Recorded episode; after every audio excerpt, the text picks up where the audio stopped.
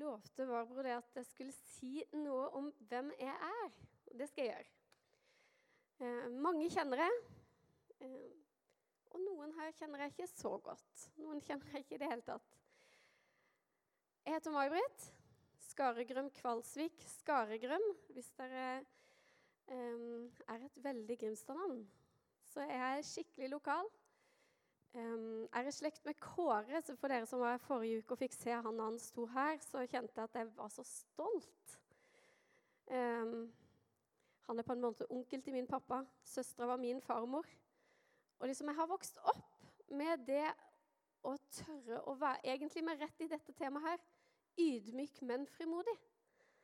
Og det er noe som jeg føler i fall, at, åh, det er noe jeg kan snakke om fordi jeg føler det har båret meg gjennom hele oppveksten på et vis. Og så skal jeg si litt om det seinere. Men jeg har vokst opp i denne menigheten. Bodde noen år i Kristiansand hvor jeg ikke var så aktiv her. enn Jeg gikk på Ansgar-skolen. Um, men ellers så har jeg egentlig tilhørt denne menigheten hele livet. Og jeg er kjempestolt av denne menigheten. Og når jeg så tilbake i dag med å jeg til ble stående litt ved det bordet med en gang du kom inn i dag, og så de bildene av de ulike teltene Det er jeg for uh, unge til å huske. Men de andre tre bygningene de husker jo jeg. Det som lå der borte ved Markveien, rett ved min farmors hus. Husker jeg gikk jo ut og inn. Var med pappa på speideren på Ulvungen. Jeg var jo jente, men vi fikk jo lov til å være med han på Ulvungene. For den gangen så var det ikke sånn som nå, at jentespeiderne og guttespeiderne var samtidig. Var med de på tur. Inn og ut. Og husker juletrefestene der borte. Så fikk vi lov til å flytte inn i garveriet. Og så var jo det fantastisk. Jeg husker hvor stort vi følte at det bygget der henne var. Og hvor utrolig trangt jeg følte det bygget var når vi skulle flytte ut derfra. Så tenker jeg, For en fantastisk opplevelse å få lov til å være med på det.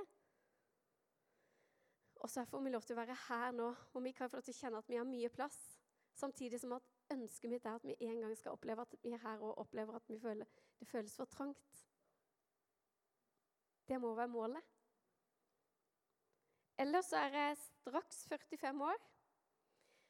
Håper du satt og tenkte 'what?' Altså i positiv forstand at du tenkte at jeg var yngre da, altså. Eh, gift, to barn og jobber eh, i hverdagen som lærer. Syns det er utrolig fantastisk jobb. Det er komfortabelt å, å jobbe med barn og unge og se de følge fremover. Jeg må bare si en ting som jeg tenker at det gjør jo jobben spennende. Når jeg i vår fikk en melding på telefonen, jeg tenkte hvem er dette her? En melding fra, Jeg kjente ikke det nummeret. Hvor det sto May-Britt, kan du tenke deg å være fadder for meg i konfirmasjonsundervisninga? Så tenkte jeg, jeg ante jo ikke hva det var for noe så er det en tidligere elev som spør om jeg kan få lov til å være fadder. Hun skal konfirmere seg i fjerde kirke, og skal, jeg kan få lov til å være fadder, for hun får et spørsmål om det. Kjente Yes! Gud, tenk at du gjennom den jobben jeg gjør, og kan få lov til å bruke meg der hvor jeg skal få lov til å sitte fire ganger i løpet av dette året før hun skal konfirmere seg, og prate med henne om tro og livet. Det er ganske fantastisk, syns iallfall jeg. Så er det jo dette temaet, da ydmyk, men frimodig. Er det faktisk mulig? Går det an? Og så tenker jeg ja, det tror jeg. For jeg er ydmyk for å stå her i dag.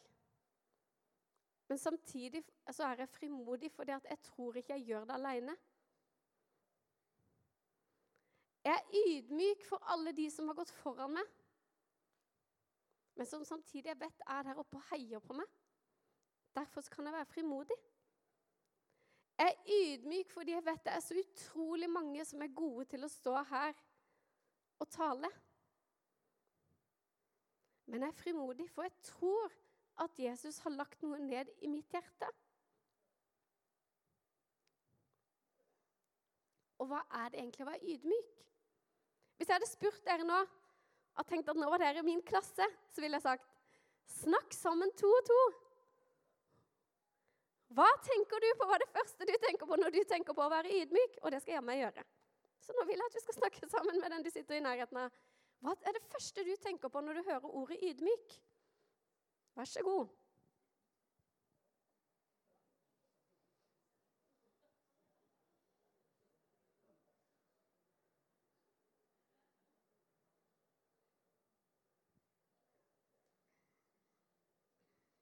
Og nå hadde det jo vært kjempegøy om jeg kunne hatt en mikrofon i salen og bare gått rundt og sagt Hva snakker dere om? Hva snakker dere om? Kanskje snakker dere om ja, Når jeg tenker på ydmyk, da tenker jeg på en typisk sørlending. Sant? Ja, unnskyld meg. Ja, og jeg kan jo kanskje hjelpe til med det, men det er sikkert andre som er mye flinkere enn meg til det. Ja, nei, jo jo, jeg kan det jo greit nok, og så er man egentlig veldig flink. Så kanskje du, at du tenkte på det, eller kanskje du tenkte på ydmyk. Det handler om å gå sånn her. Liksom Skal helst se mest ned, og så kan du gløtte litt opp. Ja, hva er det egentlig å være ydmyk? Jeg måtte jo slå opp i ordboka og tenkte hva står det egentlig der om dette ordet? Og der står det at det er å være underdanig, ærbødig, lydig. Om personer så står det 'små tanker om seg selv og ubetydelig'. Kanskje det er det som er typisk sørlending. Det står også om å ydmyke seg, at det er å bøye seg og bite i det sure eplet.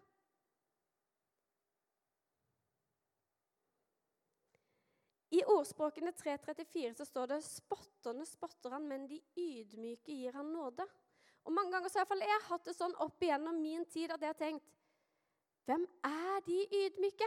Og hvordan skal jeg klare å bli den ydmyke som på en måte kan få nåde?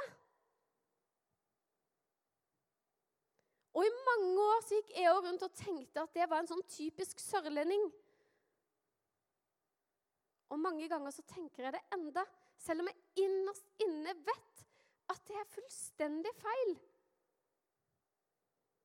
Og så er det kanskje derfor jeg har lyst til å ta det opp igjen, fordi jeg tror vi så fort glemmer hva det egentlig handler om. Og at ydmyk, nettopp fordi vi er ydmyke, kan vi være frimodige. Jeg tror vi glemmer den frimodighetsbiten. Det er ikke nødvendigvis å ikke kunne fortelle hva du kan. Men det handler om å være lydig mot Gud og gi Han æren for det du kan. I apostelgjerningene 2019 så står det 'Jeg tjente Herren med all ydmykhet'. Det er Paul som skriver dette. I en annen oversettelse står det 'Jeg har tjent Herren i all ydmykhet'. Og når jeg tenker tilbake på Paulus, og Hvis du leser apostelgjerningen, så vil jeg absolutt ikke si at han er en mann som gikk med bøyd hode rundt og sa unnskyld for at han var til. Han var frimodig. Sto frem på torg. Ble kasta i fengsel. Men hvor var fokuset hans? Fokuset var ikke på han sjøl, men fokuset var på han. Og så kunne han i frimodighet, fordi fokuset var på han, så kunne han få lov til å stå på. Ydmyk for det i seg sjøl kan man ikke klare det. Men frimodig fordi at i han så kan man klare alt. Ingenting er umulig for Gud. I Jakob 4,6 så står det men nåden han gir, er større. Derfor heter det Gud står de stolte imot, men de ydmyke gir han nåde. Og Videre i vers 8 så står det Hold dere nær til Gud, så skal han holde seg nær til dere. For et løfte! For et løfte! Vi kan holde oss nær til Han.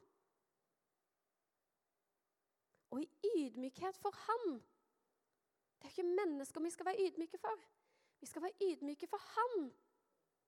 Han som skapte oss, som har utrusta oss med talenter, ikke for at vi skal gå med bøyd hode, men fordi han ønsker at vi skal bruke dem med frimodighet og med fokuset retta på Han.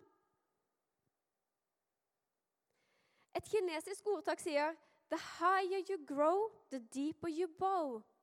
Og jeg syns det var så fantastisk. Og skal jeg si hva det betyr på norsk, og dere som ikke kan engelsk? Jo mer du vokser, jo mer bøyer du deg. Jo dypere bøyer du deg. Og det tror jeg faktisk det er noe i. At jo mer vi vokser i Han, jo mer bøyer vi oss for Han i ydmykhet for alt det Han har gjort for oss, og for alt det vi kan få lov til å være med på gjennom Han. Det er så utrolig mange ganger jeg går rundt og har gått rundt og følt at jeg ikke er god nok. Jeg kan si, 'Gud, vær så snill, velg noen andre.' Hvis dere visste hvor mange unnskyldninger jeg hadde for ikke å stå her i dag, og hvor mange ganger jeg har funnet på unnskyldninger når Knut har spurt meg Ja, så hadde dere skjems og tenkt May-Britt, hva i all verden holder du på med? Men det er så utrolig lett å finne unnskyldninger. Og kanskje har du òg det. Kanskje sitter du og tenker Nei, men nå har jeg tjent i så mange år. Nå er det noen andre sin tur. Og det er veldig bra å gi stafettpinnen videre. Men det betyr ikke at du da skal sette deg på sidelinja. Vet du hva? Jeg tror ikke det finnes pensjonister i Guds rike. Jeg har ikke lest ett sted i Bibelen der det står at når du blir 70 eller 60, så går du av med pensjon, og Gud, da skal du bare sitte og vente på himmelen. Gjør det vel, Kåre? Nei? Det gjør ikke det. Og jeg tenkte på når du sto her forrige uke, og vi fikk se vitnesbyrdet den eh, gangen før der igjen, for to søndager siden, så tenkte jeg nei, det finnes ikke pensjonister i Guds rike. Kåre sto her som et levende vitnesbyrd forrige søndag og vitna om Gud og Guds nåde. Da har dere andre som er liksom hakket under han i alder, noe å strekke dere etter. Vet du hva? Gud ønsker fremdeles at du skal bli brukt med frimodighet. Det du har av gaver og talenter. Om du er 12, om du er 20, om du er 35, midt i den mest hektiske alderen Det betyr ikke at ikke du skal tørre å la deg bruke. Man skal ikke sette livet på vent, eller om du er 70. Han vil bruke deg og ønsker å bruke deg. Og Kåre, hvem er det som kommer ned eh, hvis vi har vært og sunget? De fleste vet at det er med med et lovsangsteam. Kåre, du skulle vite hvor mye vi snakker om er positivt. Uff, nå begynner jeg grine. Fordi Hvem er det som kommer bort til oss etter et møte? Ja, det har kanskje ikke vært sin stil på sangene. Men hva sier Kåre? Det var så godt å høre deg i dag. Det var så gode tekster i sangene dere valgte i dag.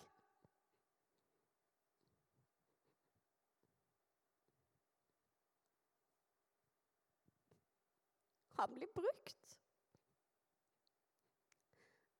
han på over 90 blir brukt for å oppmuntre oss. Fordi han ser noe mer enn bare de ytre.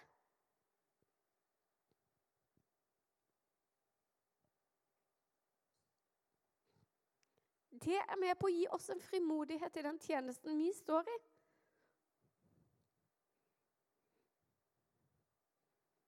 Og så mener jeg ikke at alle dere skal gå frem til de som synger lovsang, og gjør det.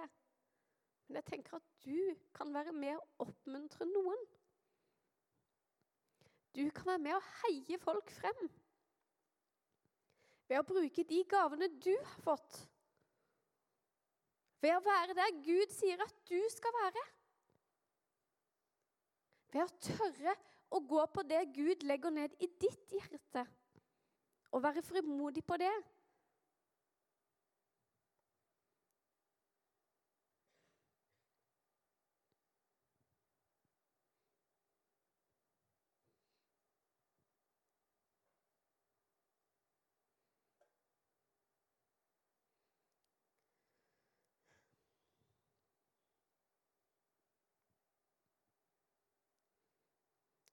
I Matteus 25, 14 så står det en lignelse om talenter. Jeg skal lese den nå.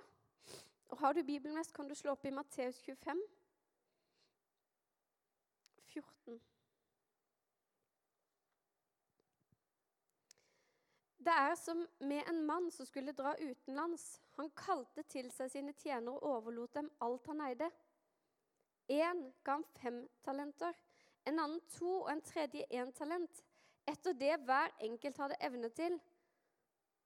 Så reiste han. Han som hadde fått fem talenter, gikk bort og drev handel med dem og tjente fem til. Han som hadde fått to talenter, gjorde det samme og tjente to til. Men han som hadde fått én talent, gikk og gravde et hull i jorda og gjemte sin herres penger. Da lang tid var gått, kom tjenernes herre tilbake og ville holde regnskap med dem. Han som hadde fått fem talenter, kom med fem til og sa, 'Herre, du ga meg fem talenter, og se, jeg har tjent fem talenter til.' Hans herre svarte, 'Det er bra, du gode og tro tjener. Du har vært tro i lite. Jeg vil sette deg over mye. Kom inn til gleden hos din herre.' Så kom han frem som hadde fått to talenter, og sa, 'Herre, du ga meg to talenter. Se, jeg har tjent to til.' Og hans herre svarte, 'Det er bra, du gode og tro tjener. Du har vært tro i lite, jeg vil sette deg over mye. Kom inn til gleden hos din herre.' Til slutt kom han frem som hadde fått én talent, og han sa, 'Herre, jeg visste at du er en hard mann som høster hvor du ikke har sådd, og sanker hvor du ikke har strødd.' Derfor ble jeg redd og gikk og gjemte talenten din i jorden. Se, her har du ditt. Men Herren svarte ham, du dårlige og late tjener. Du visste at jeg høster hvor jeg ikke har sådd, og sanker hvor jeg ikke har strødd. Da burde du ha overlatt pengene mine til dem som driver med utlån, så jeg kunne få dem igjen med renter når jeg kom tilbake. Ta derfor talentet fram og gi den til ham som har de ti. For den som har, han skal få, og det i overflod. Men den som ikke har, skal bli fratatt selv det han har. Og så tenker jeg på litt alvoret i den. Det står ingenting om alder eller om hvor flink du føler deg. Men det handler om å bruke det han har gitt oss, med frimodighet. Det var ingen forskjell på han som fikk fem og tjente fem til, han som hadde to og tjente to til. De hadde alle brukt det de hadde fått.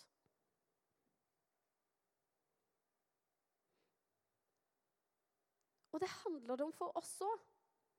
Det handler om å tørre å bruke det Gud har lagt ned i våre hjerter. Det han har gitt deg, for at du skal kunne bruke det. For at Guds rike skal vokse frem.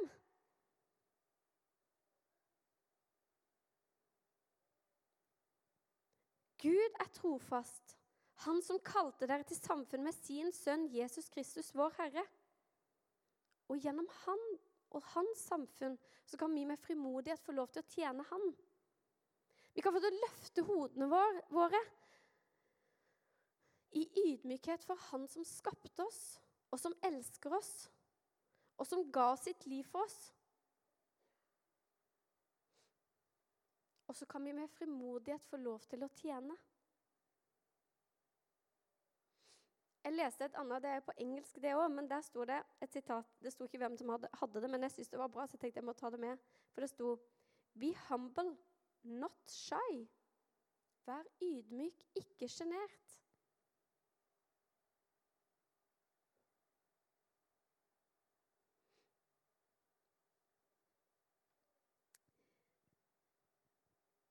Tenk om vi kunne skjønne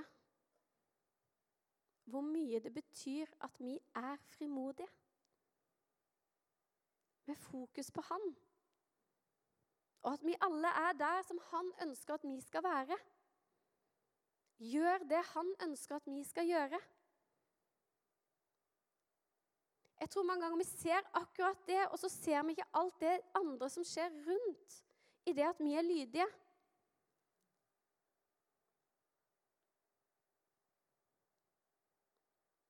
Og så kan vi kanskje tørre å si til Jesus i dag Hva vil du jeg skal gjøre for deg? Det jeg har, det gir jeg deg. Og så er det en utrolig skummel bønn.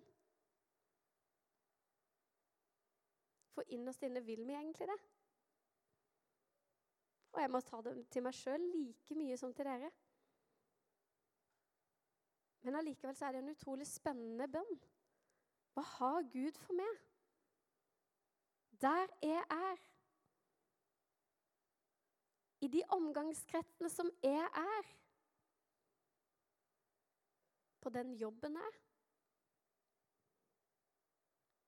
På de aktivitetene jeg går på. For, hva vil det bety for de menneskene jeg møter hver eneste dag?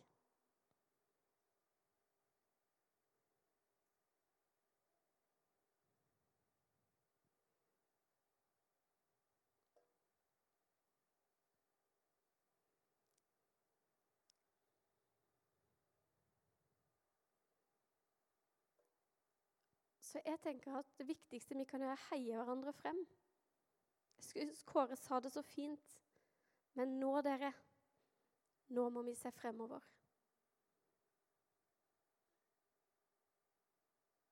ikke det et veldig fint sitat? Men nå, dere, nå må vi se fremover. Og det ønsker i hvert fall jeg. Jeg ønsker ikke hele tida å tenke på det som var. Men nå har jeg lyst til å se fremover. Hva har Gud for meg? Hva har Gud for oss?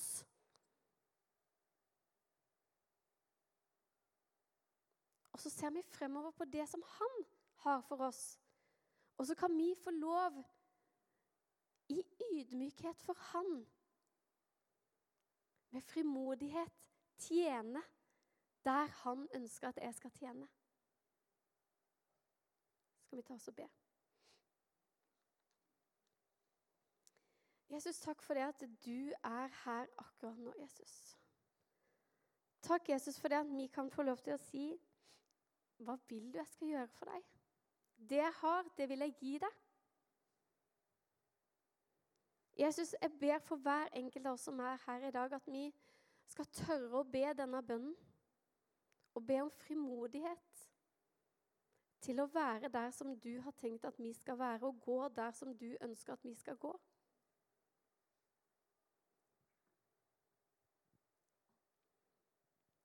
Jesus, jeg ber om at du må kalle på oss i dag.